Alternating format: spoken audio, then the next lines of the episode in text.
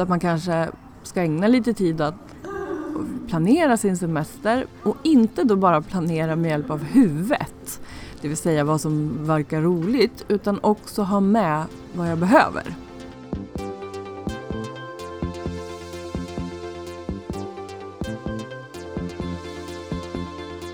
Du lyssnar på HSP-podden med Leveby och Klar. Hej och välkommen till HSP-podden med Leveby och Klar. Podden som handlar om högkänslighet. Och nu under sommaren så sänder vi podden varannan vecka. Och vi har hört från flera håll att ni saknar oss. Det är ju kul. Verkligen, jättekul. Men misströsta inte för det, för vi finns ju här och vi har en massa bra högkänsliga avsnitt som ni kan lyssna på i hängmattan i sommar. Och med det så kommer vi in på dagens ämne ganska så snabbt och smidigt, Matilda. Ja, idag ska vi prata om semester.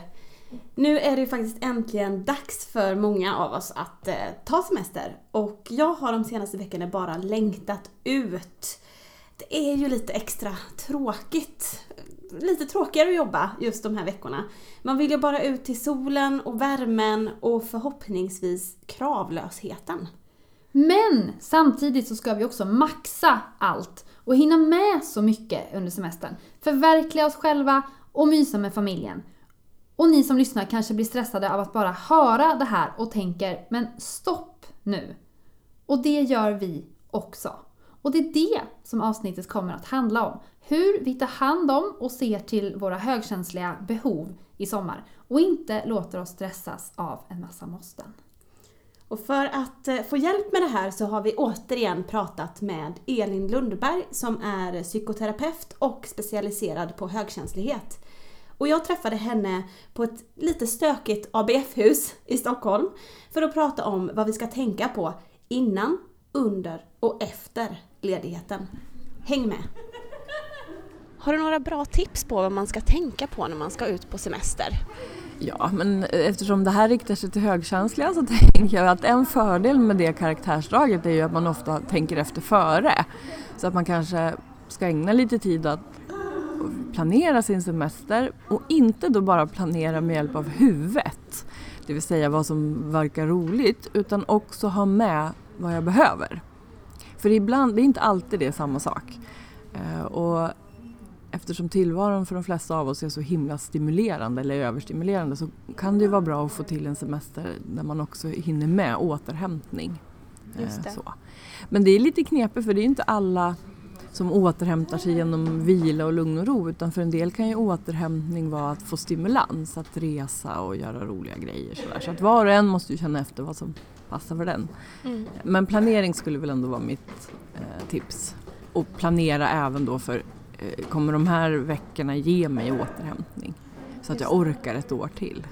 Är det här något du har märkt av i efterhand att eh, när du själv har varit på semester att oj nu tänkte jag inte på min återhämtning här. Ja men herregud, inte så mycket längre kanske för jag har en man som är väldigt mycket broms så han ser alltid till att vi, vi kommer aldrig, om jag får bestämma skulle vi kunna komma hem söndag kväll och sen börja jobba på måndagen helt slut. Men han ser alltid till att vi kommer hem på lördagen för han vill ha söndagen till återhämtning. Men visst, när jag var yngre och inte hade barn då kunde man ju komma jag menar, jag har varit ute och jag tältade med min sambo då i Europa och hade hur roligt som helst men kom tillbaka till jobbet helt dränerad på energi. Och det har jag nog ändå med åren lärt mig att jag behöver ha både och. Just det, alltså återhämtning både under semestern kanske men också lite efteråt. Ja, och det, om man har ett sånt jobb där man kan eh, varva ner redan innan semestern så är väl det också ett tips att att eh, inte jobba ända in i kaklet superintensivt. För jag tror att det finns forskning som visar att det tar ungefär en vecka att gå ner i varv.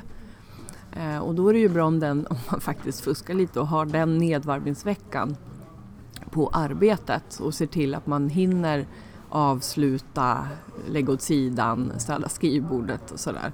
Och lika när man börjar, att man tänker att man kanske också behöver en vecka för att varva upp. Mm. Eh, för att man förhoppningsvis har varit i ett mer avslappnat tillstånd under semestern. Så då behöver man även ta det lite lugnare i början. Just det. Eh, Hur lägger man fram det här med till exempel då ens egna behov av återhämtning för de andra i resesällskapet om inte de är högkänsliga? Och ha koll på det? Jag, jag tycker nog egentligen inte att man behöver blanda in högkänslighet i det för, jag, för alla människor på det sättet är ju lika. Det finns ju inga människor som inte behöver återhämtning utan det är ju bara en mängdskillnad. Det är ju inte en skillnad i grundbehovet.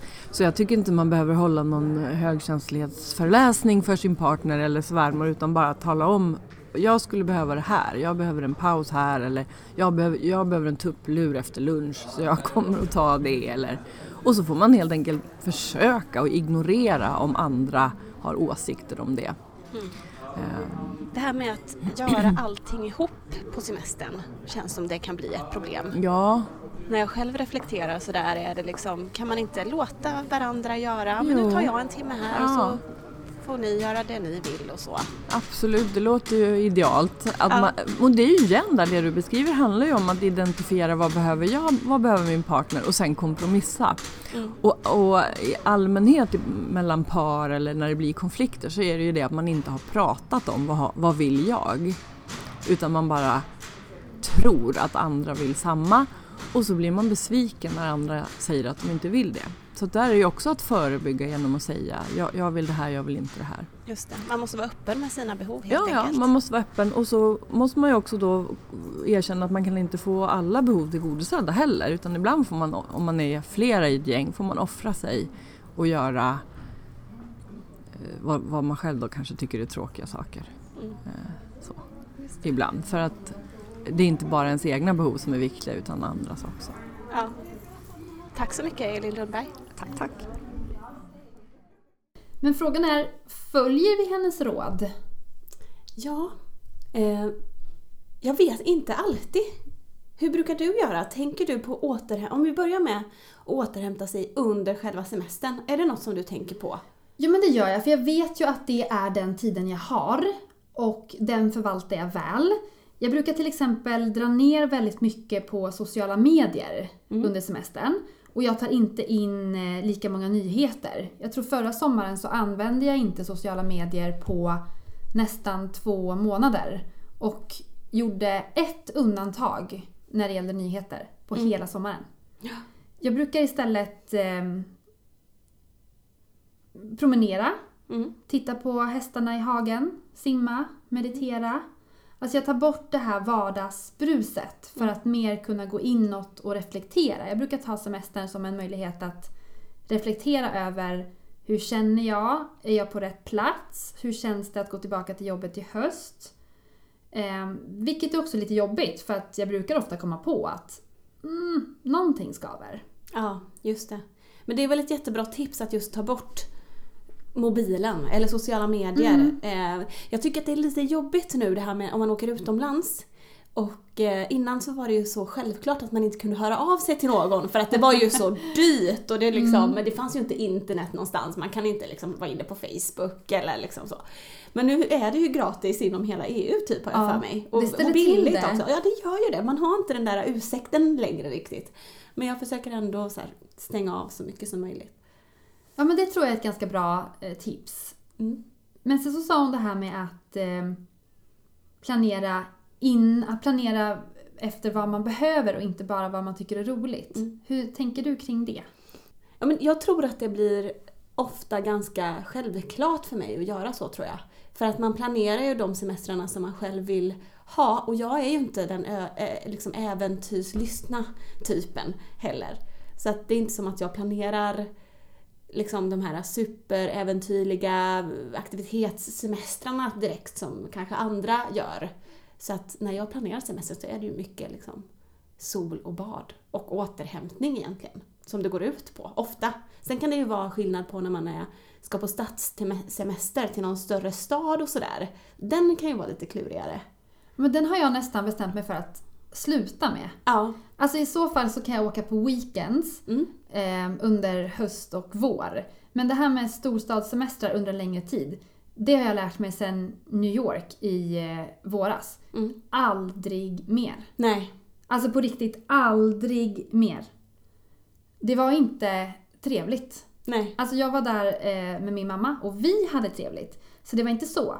Men det var själva staden. Det var så hektiskt och jobbigt och det var dåligt väder. Det kan ju såklart spela in. Mm. Eh, men människorna var inte så himla trevliga utan alla var snabba och jäktade och ingen stannade upp för att se andra riktigt. Mm. Utan det var den här ständiga strömmen av människor. Och jag minns att vi stannade vid något skyltfönster jag och mamma och tittade. Och då kom det en vakt och sa liksom att ja men kom ihåg att det här är en gågata. Så, så här, keep moving people, keep moving. Mm. Och det var verkligen så här, men gud samhälls... Eh, så klimatet, man får, Mm. det får en att börja tänka att men vad håller vi på med? Mm. Eh, och det var så mycket intryck att då var jag tvungen att lägga mig i badkaret i, i, mör- i mörker Ja. på hotellrummet varje kväll. ja. Ja, det blir Men det nästan kanske- komiskt. Ja, men det kanske ändå är ett tips att hänga lite mer på hotellet Mm. än vad man vanligtvis planerar för. I och för sig så gjorde vi det ganska bra för att vi hade bokat ett hotell som låg utanför Manhattan. Mm. Så det hade vi ju tänkt till. Att vi tror, eh, och vi hade ju aldrig varit där någon av oss, men vi trodde att när vi väl har varit där så tror vi att vi vill lämna stan och åka till ett villaområde. Mm. Så vi hyrde faktiskt hotell i ett villaområde. Och sen så såg vi till att hotellet var väldigt så lugnt och tyst. Så det kan man ju Mm. göra så att man kommer ifrån lite. Ja, precis. Om man har samma vilja, det vill säga. Ja, Det är ju det svåra när man är i ett sällskap som inte tycker lika. nej. Och det, är det, och det svåraste där är väl att när man kommer på det när man väl är på plats. Mm. Att man har olika behov. Så ett tips där är väl att prata igenom det innan vad man har för förväntningar på semestern. Ja, och våga säga det då. Ja, Eh, samtidigt så tror jag att det blir, det kan ju bli svårt för man kan ju tro att man vill samma saker. mm. Ehm, men där tror jag också att det gäller, där har jag gjort fel vet jag själv många gånger, att jag inte har uttryckt vad jag behöver. Mm. Utan bara tänker att det är väl samma för alla. Och sen så, så blir det fel och det blir konflikter. Så nu tror jag att jag ska vara mycket tydligare med, alltså inte kanske inför andra, men med mig själv att okej, men nu behöver jag äta. Mm. Ska vi fortsätta gå så här mycket, då behöver jag äta. Och då behöver inte jag göra en grej av det, utan då kan jag bara gå in och säga, men vänta lite, jag går in och köper en macka. Ja, precis. Då behöver det inte bli en så stor grej och, och i, i annat fall så blir det ju ofta så att man, att, för det där har man ju varit med om, att man går och går Mm. och tänker att jag härdar ut, de andra vill inte äta än och, och sådär. Jag är flexibel. och sen så blir det ju, får man ju ett utbrott Ja, till slut. precis. För att då har det gått för och då har man ju liksom verkligen, och det är ju ingen annan som har förstått att man har gått Nej. runt och tänkt på det här i två timmar liksom. Det är nästan så att man skulle behöva en sån här liten blodsockerhund som kunde följa med en och signalera att nu Ida är det matdags. Ja, precis. Ett litet larm kanske. Ja. Men det som Elin Lundberg också sa tyckte jag var väldigt intressant att hon eh, hade för vana att alltid komma hem så på söndag kväll. Ja. Om, om hon hade fått bestämma. Men att hennes eh, man då alltid ser till att komma hem någon dag innan. Mm. Det, har, det har ju jag en ovana att och det vet ju du, vi har ju Ja. åkt på många sådana resor där vi har Mm. kommit hem mitt i Mm. natten och ska Mm. upp och jobba dagen efter. Det är ju en tankeställare. Ja, verkligen. För man vill ju maxa Mm. också. Det vill man ju. Men det blir ju jobbigt där på måndagen. Och man är dränerad när man kommer tillbaka. Ja.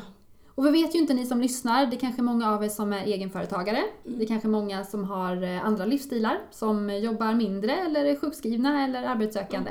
Och ni kanske inte alls har samma eh, problematik. Mm. Men eh, oavsett vad man gör dagligdags så tror jag att det är viktigt att få den här semesterperioden. Så där är vi nog Mm. på samma plan allihop. Mm. Säkert. Innan semestern då, brukar du varva ner? Ja, Mm. i år går jag väldigt tidigt. Mm. Så jag brukar försöka mentalt att stänga av. Jag vill inte gå rakt in i kaklet Nej. och sen ta ledigt. Utan min, ehm, vad ska man säga, inte min plan, men mitt sätt brukar vara två veckor innan Mm. och två veckor efter. Ja. Så börjar jag zooma ut och tänka att ingenting är viktigt. Nej, precis. Det är, Lite mer, det är mer inställningen Ja, då som, som för attityden förändras Mm. lite grann till, till jobbet. Du då? Eh, nej men det som jag försöker göra nu och det som är ganska skönt är det beror helt på vad man har för typ av jobb, hur möjligheterna ser ut. Men det är ju till exempel att inte dra igång något projekt sådär innan semestern.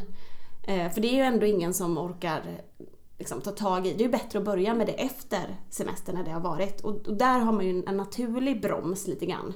Att nu bara eh, gör man det som man, alltså inget, in, inga nya initiativ utan nu får det liksom, nu tar vi, nu är det två veckor kvar, vi kör på och sen så får man ta tag i det nya efter semestern. Men jag tycker nästan att det är socialt accepterat också. Mm. Det är lite underförstått att eh, nu ska vi bara varva ner lite grann. Mm. Och de som vill varva upp, de blir man nästan lite irriterad på. Ja. Så här, men nu har vi en regel här Ja. att innan semestern, eller någonstans två veckor före midsommar Ja. och eh, till slutet på augusti, Ja. så låter vi varandra vara lite. ja, faktiskt. Det är ju ändå någon slags regel. Ja. Har du några planer för sommaren då? Jag har ganska lite planer faktiskt. Och det känns ganska skönt. Jag vet inte riktigt vad jag ska, ska hitta på men jag är inte alls stressad över det. Eh, utan det känns, eh, känns väldigt bra. Du då? Jo men jag tillhör ju den här, eh, vad ska man säga, eh, sorten som Elin Lundberg pratar om som också behöver lite äventyr och behöver göra lite saker. Lite mm, miljöombyte. Så jag har faktiskt sett till att jag ska jobba i sommar. Men inte på min ordinarie arbetsplats. Nej? Nej, eh, utan jag ska jobba på Sveriges Radio. Och eh, det tycker jag är jätteroligt. Mm. Och jag tror att det blir en utmaning för mig och att det blir inte alls semester, men det blir en, en vad ska man säga, någonting som får igång mig lite i huvudet. Ja. För nu känner jag mig lite understimulerad. Mm. Så jag tror att det kan gagna mig. Ja. För att jag får tänka på ett annat sätt och använda andra delar av mitt huvud. Och Mm. det är bara roligt. Tror du att du, kommer du inte göra något äventyr eller annat speciellt sådär på din vanliga semester sen? Eller tror du att du behöver det också? Jo, för det har jag ju också sett till att jag har Ja. ledighet också. Jo, Mm. men då tror jag nog att det blir väl någon resa. Mm. Det brukar bli det. Så att jag vet att jag har den tiden Mm. att återhämta mig. Mm. Ehm, och sen kommer ju det här klassiska när man ska starta upp igen. Mm. Men det kan vi ta i ett senare avsnitt. Nu tycker Ja. jag vi bara vi ska fokusera Ja. på att snart, eh, liksom, snart är det här och det är härligt. Exakt, inga nya projekt nu. Nej. Och vi har faktiskt eh, några boktips också som ni kan läsa i sommar. Nu när vi har tipsat er om att eh, lägga ifrån er mobilerna lite. Inte när ni lyssnar på podden såklart. Nej, Eller såna här sommarprat. För det kan ju vara väldigt trevligt Ja. att ligga och lyssna på. Men för er som vill läsa böcker så tipsar vi om dem inom högkänslighet och eh, för er som har plöjt igenom många av de här klassikerna så är det här ingen nyhet. Men vi har några nyheter också.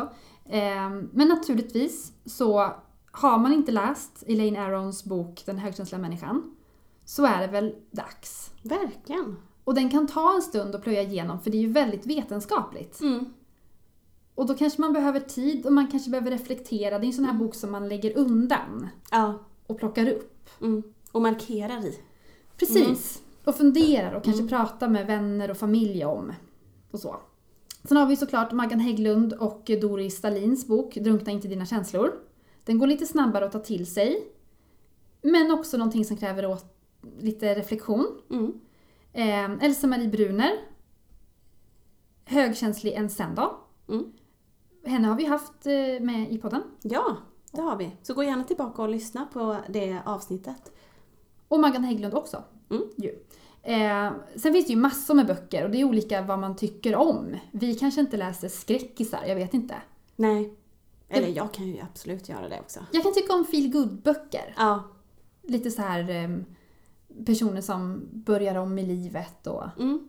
Så, tycker jag är mysigt. Ja, det håller jag med om. Eh, men det finns också barnböcker i, Ja. i högkänslighet som börjar ploppa upp. Och det finns framförallt några stycken som vi har fått tips om från er eh, lyssnare. Ja. Det är författaren Lia Lundberg som har skrivit två barnböcker på temat eh, högkänslighet. Och de handlar om lilla Lia och hennes fantasivän Hubertus. Och tillsammans så pratar de här vännerna då om känslor. Och eh, även bilderna talar sitt språk där och eh, visar hur eh, lilla Lia upplever saker. Till exempel mammas stora ögon när hon är stressad. Och det tror jag är en jättebra grej, just med barnböcker om högkänslighet. Mm. För då kan man ju prata om det på ett naturligt sätt utan att behöva nämna ordet. Mm. Men att man lotsar sina barn lite grann. Ja, verkligen. Och för er som nyss har börjat lyssna på podden, för så är det ju. Många av er har följt med oss troget i snart ett år nu. Mm. Och många av er har precis hittat hit. Så kan jag berätta att vi brukar avsluta varje avsnitt med en dikt av vår eh, favoritglädjespridare. Får vi väl ändå kalla honom. Ja, absolut. Bertil Monegrim. Och det ska vi göra nu också. Han är en man på 80 plus som hela livet skrivit dikter och skickat in till landets lokaltidningar. Han har till och med en egen fanclub på Facebook. Här kommer en av hans dikter. Den vackra naturen bygger en bro i denna underbara, fantastiska tid. Och den sköna naturen ger oss ro när tacksamheten i hjärtat tar vid. Syrenens doft med blommor och bin och solen lyser över skogarnas vackra salar. Vid mitt hus blommar en vit jasmin som också till mitt hjärta talar. Vi finns på Facebook, där heter vi HSB-podden med Leveby och Klar. Maila oss gärna också med tips på ämnen och gäster. Det börjar bli dags nu att eh, boka in lite fler gäster under hösten. Mm. Så vem vill du höra här i podden? Hör av er till oss på leverbyochklar.gmail.com. Och glöm inte att prenumerera på oss i iTunes eller Acast eller där du lyssnar på poddar. Men vi hörs igen om två veckor. Hej då! Hej då! I nästa avsnitt så pratar vi om en revolutionerande behandling som forskare säger förlänger ditt liv. Den gör dig mer kreativ, skyddar mot alla möjliga sjukdomar, hjälper dig att hålla vikten och hjälper också mot ångest och depression. Vi snackar förstås om sömnen. Viktig för alla, livsviktig för högkänsliga.